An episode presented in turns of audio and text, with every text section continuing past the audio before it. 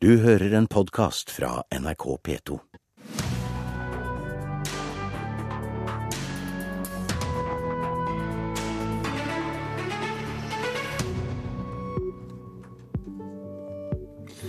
Landet har fått en ny kulturminister, en eh, kulturminister som faktisk ville bli kulturminister.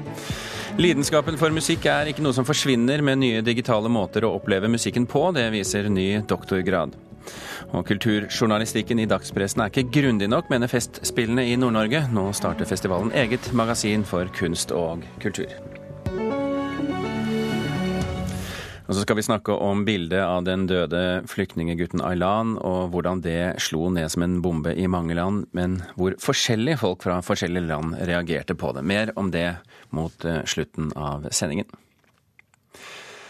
Ja, vi eh, fikk altså byttet en erfaren gitarist med en habil trekkspiller i Kulturdepartementet i går. Linda Hofstad Helleland fra Høyre er blitt ny kulturminister etter Toril Vidvei.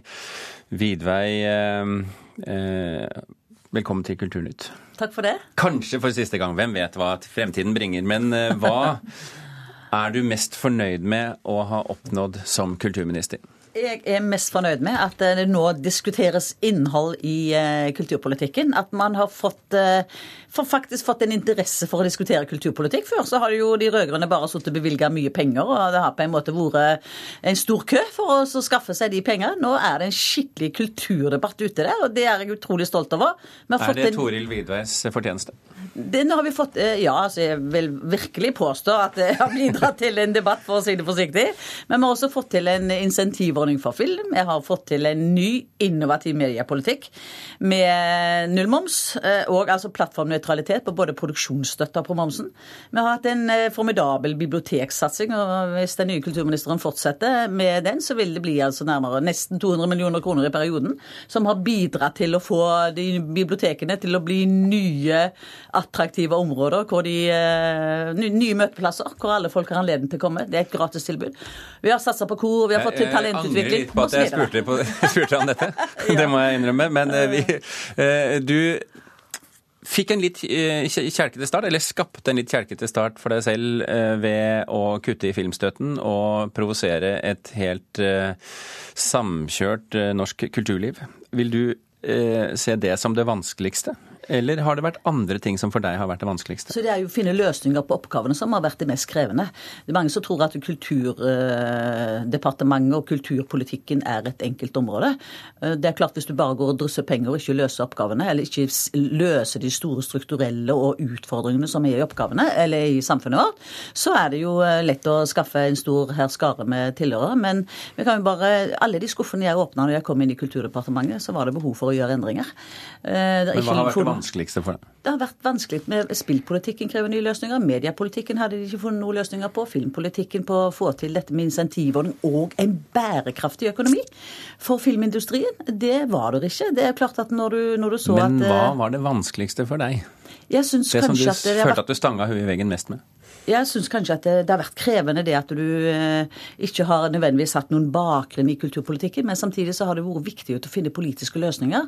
For meg har det vært utrolig viktig å ha hatt den tyngden med meg i politikken som det jeg har hatt. Overbevisende i forhold til regjeringskollegiet, sørge for at vi klarer å holde kursen. Eh, det har vært viktig. Eh, det er mange feiter som skal tas. Vi er en mindretallsregjering. Eh, skaffe flertall i Stortinget for de sakene som vi skulle få. Og det, det har gått bra. Og det er jeg veldig glad for. Helleland, velkommen til Kulturnytt. For det. Ny kulturminister i, i Norge. Eh, Stemmer det, eh, som jeg sa her i begynnelsen, at du faktisk ville bli kulturminister og håpet at det var det du ble spurt om? Eh, Jeg gikk jo ikke rundt og så trodde at jeg kom til å bli minister. Men, Eh, men da Men når Erna Erna ringte, ringte så, så stemmer det at eh, For hun innleda jo Jeg tenkte liksom å bare komme til poenget nå, da. og i liksom de sekundene som gikk der, så tenkte jeg åh, og da håper jeg at hun skal si kultur. Så jeg ble, jeg ble veldig, veldig glad. Hvorfor ønsket du kultur? Det er jo fordi at eh, jeg vet hvor viktig kultur er for livene til folk. Eh, Det er det som gir, eh, gir livene våre meningsfulle innhold. Og eh, jeg har sjøl bakgrunn fra, fra kulturlivet fra barne- og ungdomstida, vet hvor viktig det var for min oppvekst. Men så ser jeg også nå at kulturlivet har så mye å bidra med. Ikke minst Jeg har en veldig sterk tro på kulturen. Og jeg har tro på at kulturen kan spille en aktiv yterrolle ikke minst i kanskje vår tids største utfordring med den folkevandringa vi nå står overfor, så tenker jeg at det er ingen andre enn kulturen som Eh, kan gjøre at de som kommer hit nå, kan bli tatt inn i et fellesskap, kan bli kjent med, med oss, kan gi eh, livene sine mening, utover det at vi skal få dem i skole og arbeid og sånn, selvsagt. Ser du for deg en, en sterk iverksetting av det norske kulturlivet for å hjelpe til i flyktningkrisen, er det det du sier? Jeg håper, jeg skal jo ikke instruere på, på, noen måte, men jeg håper at den kraften som ligger i kultursektoren, kan være med å skape arenaer for hvordan eh, vi nå skal ta imot alle de menneskene inn i vårt fellesskap. Og da handler det om at vi må være trygge på vår identitet og hvor vi står. Og der vakler vi jo litt eh, til tider. Eh, også vi som tror at vi kjenner norsk tradisjon og, og, norske verdier veldig godt. Men skal vi klare å ta imot dem på en riktig måte, så må vi også være trygge på hvor vi står. Og det er der kulturen hjelper oss. Og samtidig så ser jeg at blant eh, Altså jeg er opptatt av at vi skal ha god kvalitet i den profesjonelle kunst og kulturen. Eh, selvsagt skal vi det. Men hvis vi skal fortsette å ha i elitedivisjon, så må vi også ha en, en, god bredde å rekruttere fra. Og i dag så er det faktisk sånn at det er mange av de barna som har ressurssterke foreldre, som sørger for at barna kommer seg på pianotimer og som, som, kommer seg på annen kulturaktivitet. Eh, det er dem som prioriteres, ikke dem som kanskje trenger det mest. Ikke den mora som ikke har råd til å betale for fotballtreninga, eller dem som har ressurser til å sende barna på kulturskolen.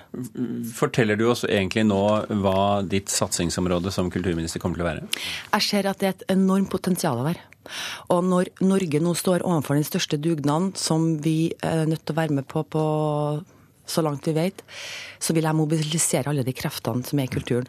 Og jeg vet jo at det er så mye ressurssterke folk der ut i hele landet som ønsker å bidra, og som har en sånn eh, kraft i seg eh, til å, å, virkelig ta imot dem som kommer, og eh, la dem bli en del av våre fellesskap. Ydveig, jeg vet at du har satt i gang en rekke rapporter i din tid som minister. Mange av dem har, noen av dem har vi fått, mange av dem eh, er i påvente. Eh, mye politikk eh, mye arbeid gjenstår for, for Helleland her på det du har satt i gang. Kommer hun til å få tid til alt det hun nå ser for seg? Ja, det tror jeg. For jeg kjenner Linda Hofstad Helleland til å være ivrig, nysgjerrig og utrolig dyktig, og, og, vil kaste seg over det arbeidet. Så hun slipper i hvert fall å sette i gang de utredningsarbeidene som er der. Eh, og nå ligger det jo Hun skal pre presentere en spillmelding eh, til, neste, til neste høst.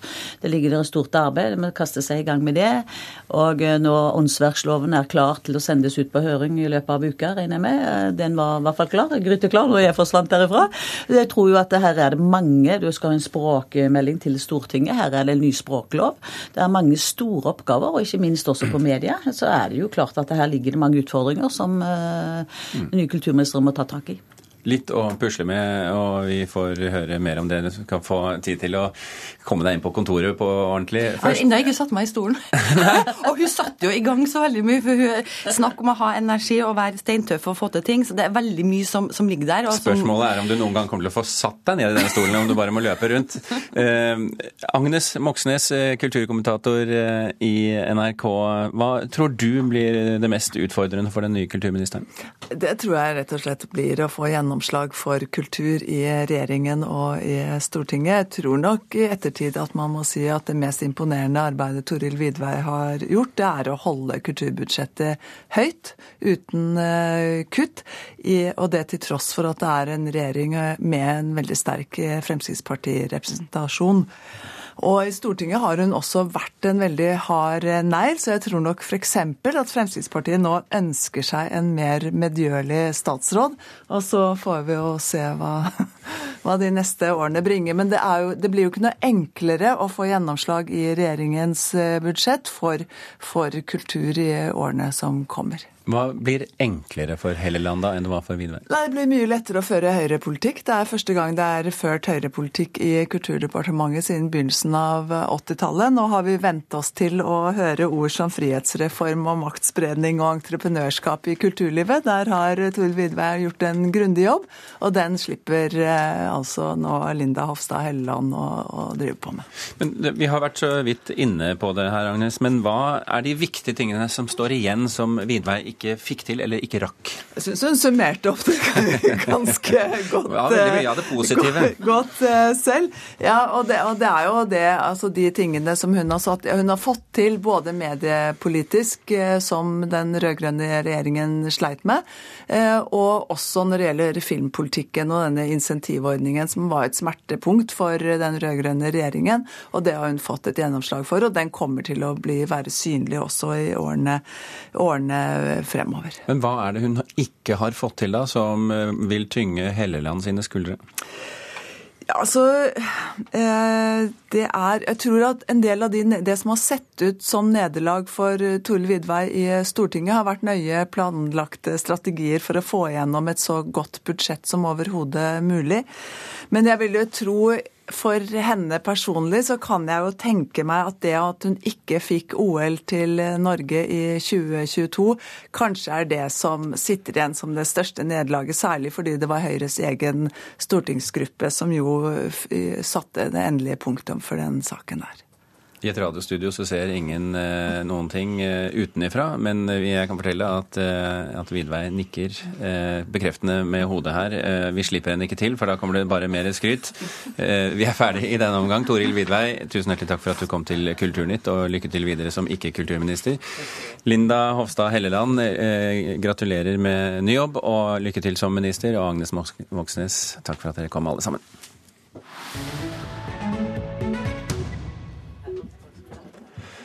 Direktøren ved Den nasjonale scene i Bergen har ikke gjennomført eller oppfordret til dokumentfalsk eller gitt oppdrag til sine egne venner. Det viser første del av den offisielle granskingen, ifølge styret ved teatret. Styringen og arbeidsforholdene ved teatret har møtt kraftig kritikk, og ledelsen har hyret en advokat til å granske en rekke beskyldninger mot den omstridte direktøren Bente Hartvedt Ringstad.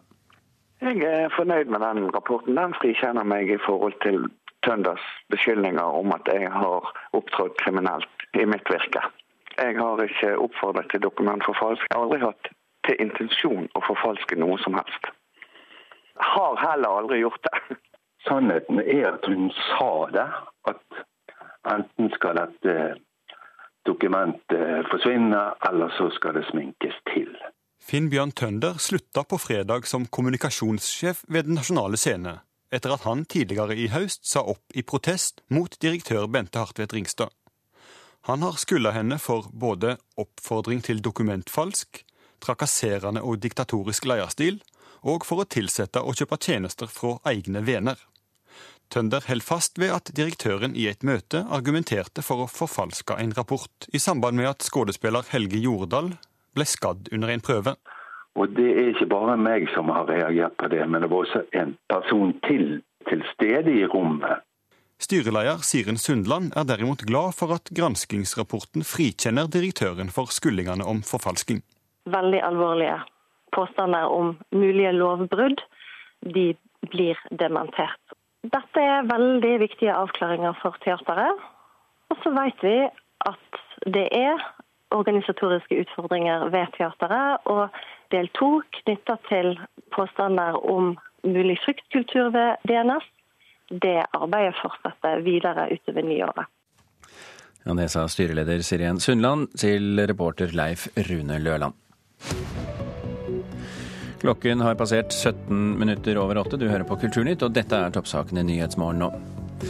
Kronen er svekket etter USAs renteheving. Det kan bli et nytt kronefall i dag.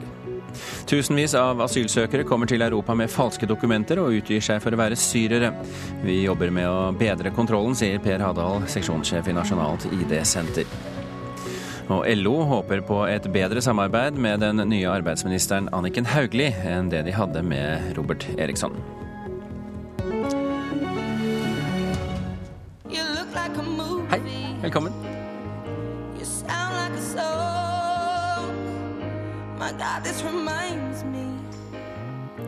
Ikke velkommen til Adelia sa, men det er henne du hører her. Hun har satt eh, rekorder for albumsalg etter at hun nylig slapp sin siste plate, men ikke på strømmetjenestene.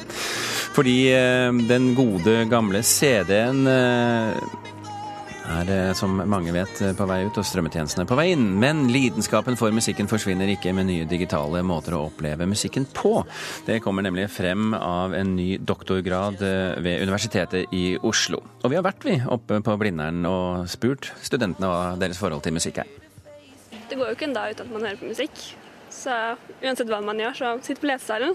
Veldig greit med musikk. Det er viktig, eh, men jeg bruker ikke nok tid på det. Det bringer jo frem både følelser og danseglede og partystemning og alt. Jeg hører på musikk hver dag, og når jeg skal til skolen, jeg jobber på skolen og ja, mange timer til dagen.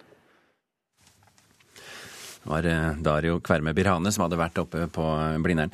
Anja Nylund eh, Hagen, velkommen til Kulturnytt. Ja, takk for det. På tirsdag disputerte du med en doktorgrad Music Streaming in Every Day'. Gratulerer. Takk, takk. Det var gøy. Forstår jeg deg rett, så var du litt bekymret for lidenskapen til musikken, den som er knyttet til albumene og CD-coverne osv., før du startet forskningen. Hva kom du frem til? Altså jeg var i hvert fall nysgjerrig på hvordan teknologien og strømmetjenestene som et format påvirker hvordan vi hører på musikk, og hva betyr, musikk betyr for oss. Og, Hadde du noen ideer på forhånd om hvordan det påvirker oss? Nei, altså Det er kanskje bare litt fordomsfullt og litt sånn basert på, på ja, jeg, jeg, kommer fra et miljø hvor mange er opptatt av musikk som uttrykk og jobber som musikere selv, eller uh, er opptatt av denne, dette kunstuttrykket. Da. Uh, men samtidig så, så, så, jeg, så, vet jeg jo at alle hører på musikk med strømmetjenester, så det er jo noe med uh, hva den musikkopplevelsen i hverdagen betyr for oss. Og det er ikke noe tvil om at med strømmetjenester som format, eller som medium, det som bringer musikken til oss, så er det jo mye lettere tilgang på musikk. Og, og det, det, kan jo utfordre ting som minne og hvordan man velger og, og, hva man liker og sånn. Men samtidig så er det noe med den reine musikkopplevelsen i det du hører på musikken. Og når musikken treffer et menneske via denne teknologien, så er det så er det viktige opplevelser da, for folk. Uansett? Nei, selvfølgelig ikke uansett. En ting, en ting er hvordan musikken virker, det er noe jeg har vært opptatt av, men det er også noe med å prøve å definere det formatet. Sant? Og en, en, identitet da med strømmetjenester som format er jo at de er utrolig mangefasetterte. De, de de gjenspeiler ikke bare en CD eller et album eller sånn som, som tidligere musikkformater, men inni en strømmetjeneste så er det på en måte radio, eh, det er platesjappe, du kan møte venner der, du kan, eh, du kan lage din egen spilleliste eller samling. Noen eh, kuraterer jo det opp mot hele hverdagen og sinnsstemninger, tidspunkter, viktige hendelser i livet sitt, årstider. Altså, det er ikke grenser for kreativiteten til den enkelte bruker. Samtidig som noen velger å bruke det veldig streit og tradisjonelt. Da. Mm. Sånn at, eh, og noen kombinerer det også, det tradisjonelle og det nye, på en måte. Men, men det, det, blir jo ofte satt opp imot en slags, hva slags uh, formål eller ønske man har med musikkopplevelsen. For vi som eh, vokste opp på 70- og 80-tallet, eller alle som har lest Beatles av Saabye Christensen, vi vet jo følelsen av LP-en, ikke sant, å åpne den, få ut innercoveret, ut med platen, sette stiftene, alt det der litt sånn taktile. Det har jo for så vidt forsvunnet, men er den samme gleden over det musikalske produktet fremdeles til stede? Ja, den samme gleden er der absolutt. Og det jeg syns er interessant, er altså, Det er jo ikke sikkert at det er den samme. For det er ikke det taktile og det fysiske. og Det handler ikke bare om det. Men det når musikken treffer, eh, i løpet av et litt sånn plutselig øyeblikk også, så kan det plutselig farge eller forme hverdagslivet vårt. Eller opplevelsen av seg selv, opplevelsen av tiden og rommet man er i, og opplevelsen av virkelig de helt streite, vanlige hverdagsøyeblikkene. da.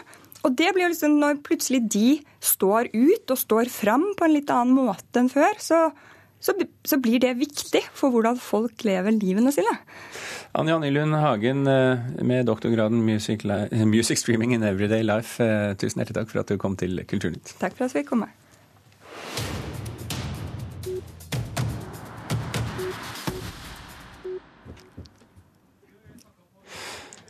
Festspillene i Nord-Norge vil ha grundigere journalistikk og debatt om nordnorsk kunst- og kulturliv, men istedenfor å klage over tingenes tilstand, så starter de heller et eget magasin for kunst og kultur i Nord-Norge. Det springer ut fra eh, et behov for eh, mer eh, journalistikk, mer saker, mer profilering av nordnorsk kunst og kulturliv, og mer debatt. Når det er sagt, så syns jeg slett ikke at kulturjournalistikken i Nord-Norge er dårlig.